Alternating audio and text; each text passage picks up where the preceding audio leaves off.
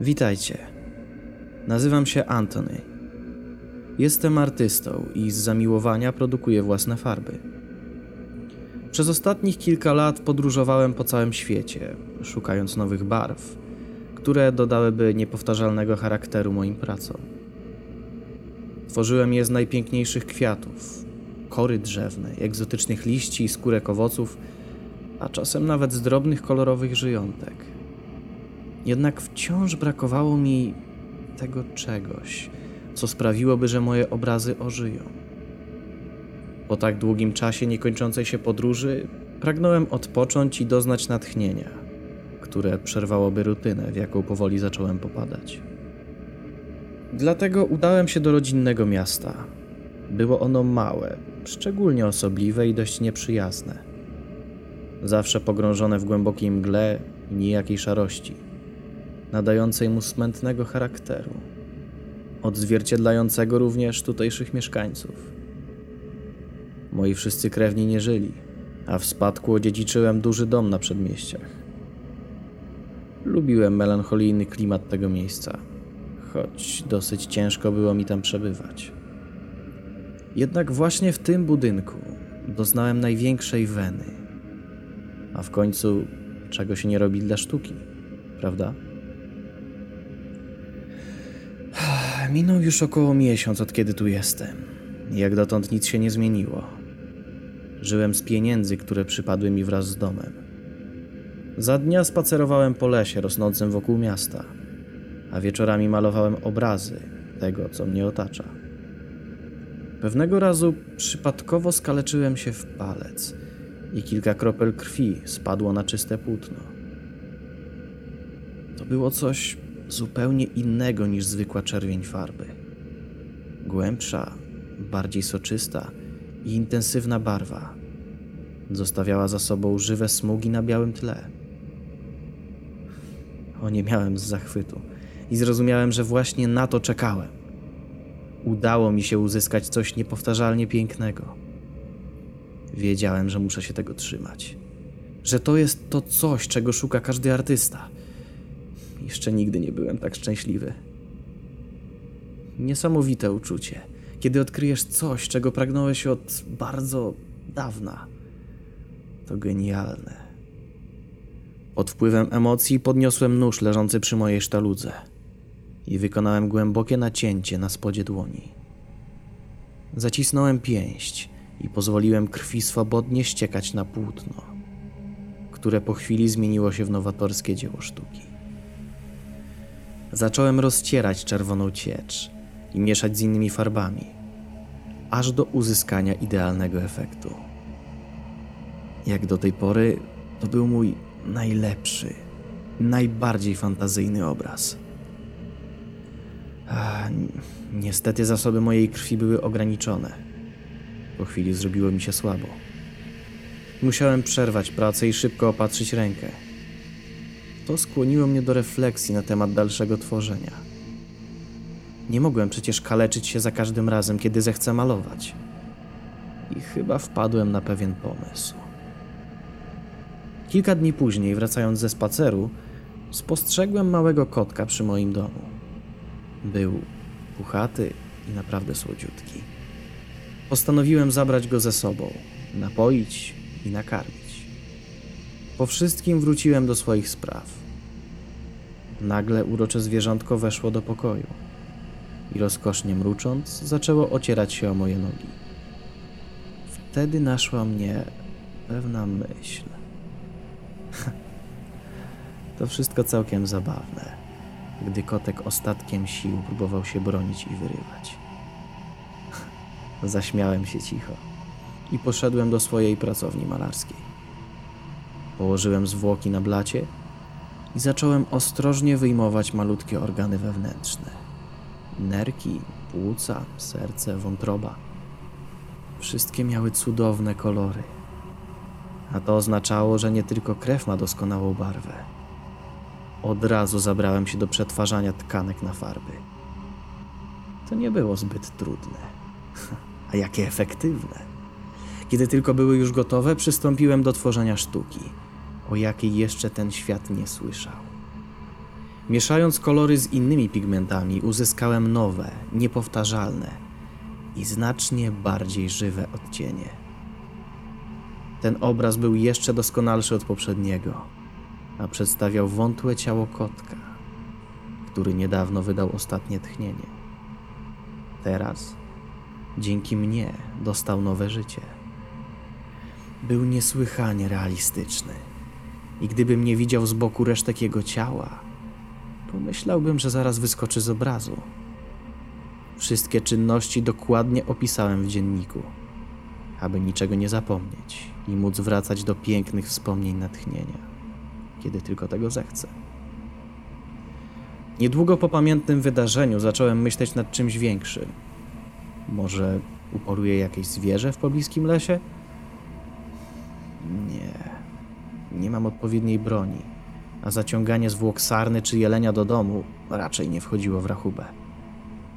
W zasadzie ofiara sama mogłaby do mnie przyjść.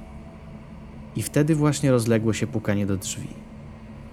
Okazało się, że była to mała dziewczynka sprzedająca ciasteczka. Chwilę się zawahałem, jednak zaprosiłem ją do środka. Po moich dłuższych naleganiach i obietnicy kupna wszystkich jej produktów, zgodziła się wejść w głąb domu.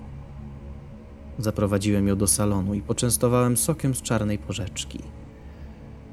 Wyglądała jak przeciętna dziewczynka w tym wieku. Miała duże zielone oczy, ciemne włosy i bladą cerę. Wzruszała mnie jej czystość i niewinność. Cały czas nie wypuszczała z rączek lekko zniszczonego pluszowego misia. Jak ci na imię? Spytałem, uśmiechając się do niej szeroko. Anastazja, odpowiedziało nieśmiało dziecko. Masz bardzo ładnego misia, Anastazjo. Jest chory. Ma dziurkę w brzuszku i oko mu wypada, powiedziała smutno. Mogę go wyleczyć, jeśli chcesz. W mojej pracowni mam potrzebne narzędzia. Zaproponowałem, bacznie przyglądając się dziewczynce. Nic mu nie będzie? Nie. Obiecuję, że będzie zdrowy jak jeszcze nigdy. Dziewczynka spojrzała na mnie i uśmiechnęła się. Podałem jej rękę i poszliśmy do pomieszczenia, gdzie malowałem. Kiedy byliśmy już w środku, szybko zamknąłem drzwi na klucz i wyjąłem igłę z nićmi. Nie byłem do końca przekonany do tego, co zaraz miałem zrobić, ale nie było już odwrotu. Wziąłem maskotkę od małej, ostrzywałem wszystkie dziurki i przykleiłem mu oko. Dziecko niezwykle ucieszył efekt końcowy. Zaczęła się śmiać i przytulać swojego misia. Gdy tylko się obróciła, podszedłem do niej od tyłu. Mocno złapałem za włosy i podrżnąłem gardło. To cudowne, że dławiąc się własną krwią, nie mogła nawet krzyczeć z bólu. Wyglądała na dość zdziwioną, ale w końcu nie mogła rozmawiać z obcymi, jak jej rodzice pewnie kazali. Kiedy już upewniłem się, że jest martwa, rozebrałem ją i powoli rozciąłem wzdłuż cały tors. Wyłamałem jej kilka żeber i po kolei wyjmowałem jeszcze ciepłe organy. Różniły się one znacząco barwą i konsystencją od kocich wnętrzności. Dużo bardziej przypadły mi do gustu. A w szczególności delikatny, pastelowy mózg. Co prawda, dość ciężko było się do niego dostać, bo w ruch poszła piła tarczowa, ale mój wysiłek się opłacił. Farba uzyskana w ten sposób miała wyjątkowy odcień. Bez chwili namysłu zabrałem się za tworzenie następnego arcydzieła. Namalowałem właśnie ją, małą dziewczynkę ze swoim pluszowym misiem. Muszę przyznać, że wyglądała całkowicie jak żywa, choć wzorowałem się na trupie. Patrzyła na mnie z obrazu tym samym zaskoczonym wzrokiem, co moment przed śmiercią. To było doprawdy urocze. Jednak po chwili moje myśli zeszły na zupełnie inny temat. Jak się pozbyć niezużytych resztek dziecka? Szczątki kota najzwyczajniej zakopałem w lesie. I nawet jakby ktoś je znalazł, nie sądzę, żeby zrobiło to na nim większe wrażenie. czy wzbudziło jakiekolwiek podejrzenia. Jednak z ludzkimi zwłokami było zupełnie inaczej. I wtedy mnie olśniło. Pobiegłem do kuchni po maszynkę do mielenia mięsa. Poćwiartowałem resztki ciała małej i wszystkie kawałki po kolei przemieliłem w lepką, różową papkę. Wyglądała co najmniej nieapetycznie. Jednak wlałem ją do kilku siatek i włożyłem w głąb zamrażalnika. No, to jeden problem z głowy. Najważniejsze, że wiedziałem już, jakie kolory może dać mi małe dziecko i jak bardzo zachwycający efekt dzięki temu osiągnie mój obraz. Ale czy we wszystkich przypadkach działa to tak samo? Czy młode osoby mają te same barwy co dorosłe, czy stare?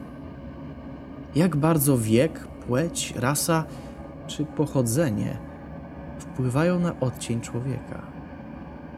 No cóż, musiałem się o tym przekonać. Postanowiłem już na stałe wprowadzić się do tego upiornego domu. Czas płynął mi tu niezwykle przyjemnie, a moje badania w poszukiwaniu idealnego koloru rozwijały się w szalonym tempie i przynosiły zaskakujące efekty, które sumiennie opisywałem w prowadzonych dziennikach.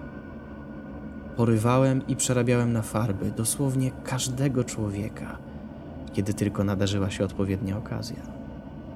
W pracowni miałem już pokaźną kolekcję obrazów. To był całkiem ciekawy patent. Tworzyć portrety osób wykonane z ich własnych ciał. Na mojej osobistej wystawie wisiały już malowidła dzieci, dorosłych, starców, kobiet, mężczyzn, chorych, czarnoskórych, żółtych, białych, ludzi o różnej masie, budowie, wykształceniu i statusie społecznym. Okazało się, że każdy kolor czymś się różnił.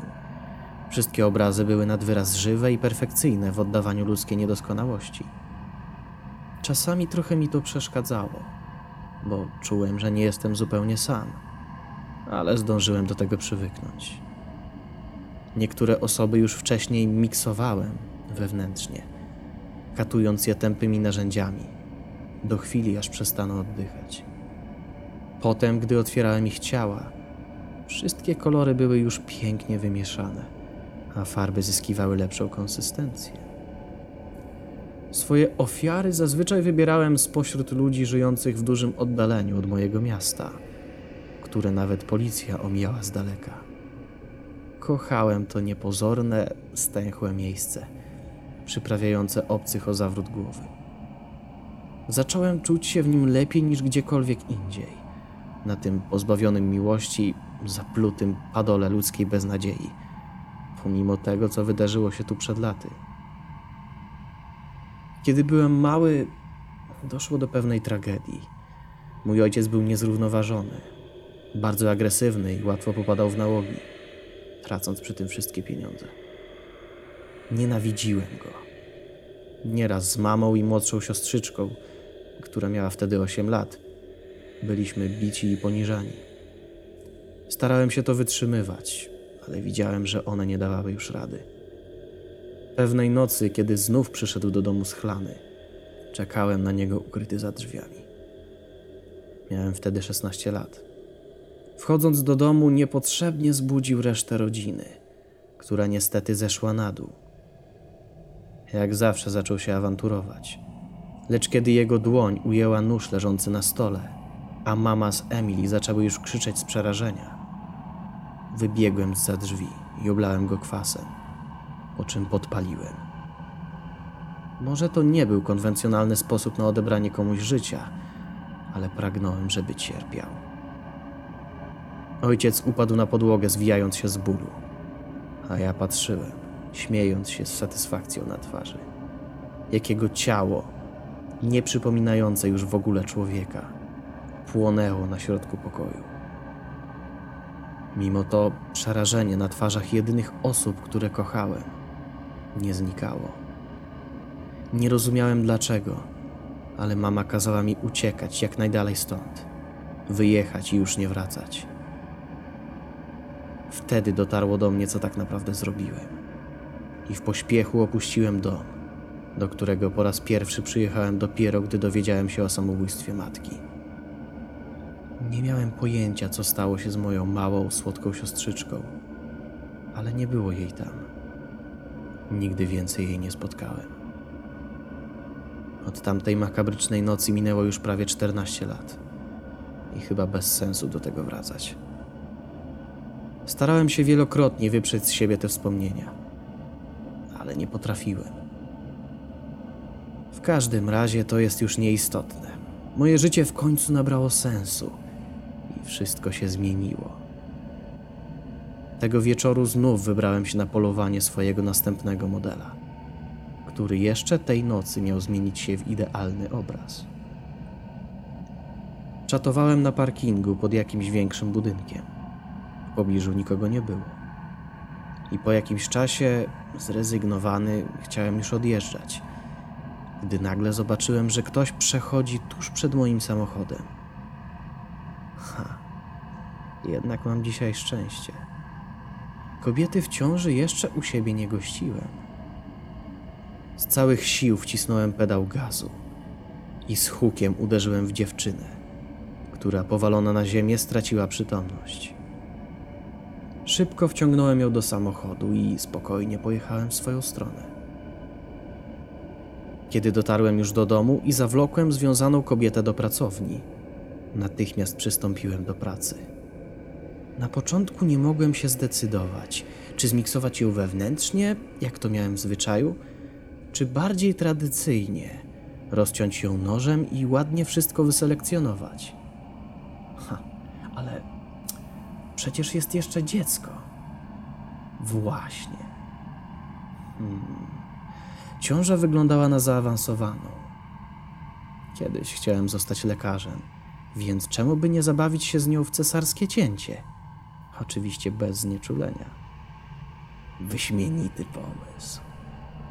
Fartownie przyszła matka zdążyła odzyskać przytomność. Wepchnąłem jej do buzi kawałek szmaty, żeby tak nie krzyczała i nie zniszczyła języka, który jeszcze przecież mógłby mi się przydać. Wziąłem mój ulubiony nóż i wykonałem pierwsze, szerokie nacięcie w dolnej części brzucha. Ból musiał być tak ogromny, że materiał w ustach kobiety na niewiele się przydał. Na szczęście cała pracownia była wygłuszona i szczelnie zamknięta, przez co stojąc nawet o krok od domu, i tak nikt by jej nie usłyszał. Świadomość tego tylko mnie rozbawiła. Jakoś tak nóż sam wbił się głębiej. Kiedy dziura w jej brzuchu była już odpowiednio duża i głęboka, odłożyłem narzędzie i gołymi rękami zacząłem grzebać w jej wnętrznościach, szukając dzidziusia.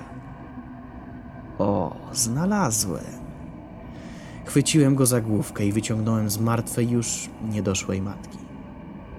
Poklepałem go po pleckach i usłyszałem cichy płacz. Właściwie nie spodziewałem się, że dziecko przeżyje tę operację. A tu proszę, zdrowy, śliczny chłopiec, który zaraz wyląduje na moim obrazie. Trochę szkoda było mi zabijać niemowlę, ale czego się nie robi dla sztuki, prawda?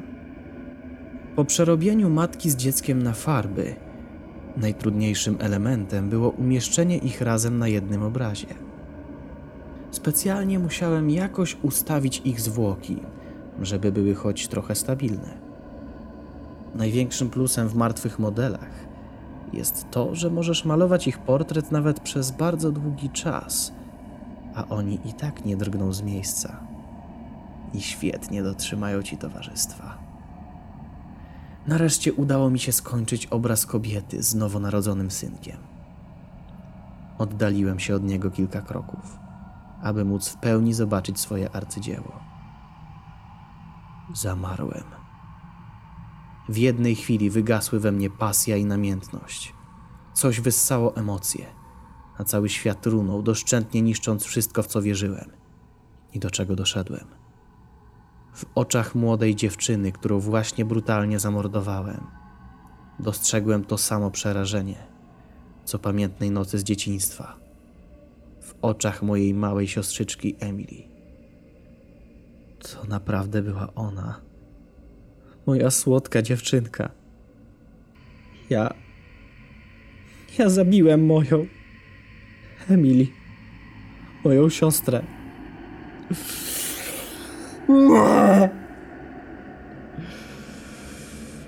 Wtedy coś zaczęło piszczeć mi w uszach, aż nagle usłyszałem ciche miauczenie, dobiegające zza moich pleców. To nie może się dziać. Gwałtownie się odwróciłem, a wzrok wszystkich osób z moich obrazów był skierowany wprost na mnie. W jednej sekundzie zaczęli gnić, rozpadać się i ruszać. Przecież to niemożliwe!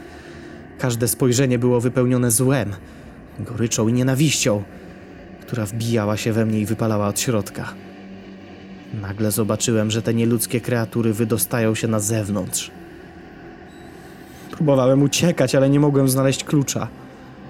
Odrażające bestie były zaledwie kilka kroków ode mnie. Nie było już ratunku. Zabiłem kilkudziesięciu ludzi, którzy właśnie mnie dopadli i ciągnęli w stronę dużego białego płótna. Próbowałem się wyrwać, jednak nadaremno. Nie zasłużyłem na to. Dzięki mnie stali się dziełami sztuki, znacznie piękniejszymi i doskonalszymi niż ich wątłe, żywe ciała. Przecież świadczyłem im tylko przysługę. Nagle w tłumie potworów dostrzegłem moją dorosłą już siostrę. Wyszła przed wszystkich, trzymając martwe dziecko i wpatrując się we mnie z tym samym makabrycznym wyrazem twarzy. Zaczęła przecinać moje ciało piłą tarczową. Inne monstra się do niej przyłączyły, rozszarpując mnie żywcem na kawałki. To był niewyobrażalny ból. Gorszy od czegokolwiek, czego wcześniej doznałem. Czułem, że jestem martwy, ale wciąż miałem świadomość. Nie rozumiem, przecież mnie zabili. Jak to możliwe? Ja nie żyję. Nie żyję. Nagle wszystko ucichło. Potwory zniknęły. A ja nie byłem już tym, kim wcześniej. Po chwili dotarło do mnie, że nie mogę się ruszać. Próbowałem krzyczeć, ale nie udało mi się wydobyć z siebie żadnego dźwięku. Stałem się następnym idealnym obrazem, wiszącym pośród innych tragicznych malowideł w mojej galerii śmierci. A jedynym co czułem był ból ludzi, których pozbawiłem życia. Właśnie poznałem, czym jest piekło na wieczność.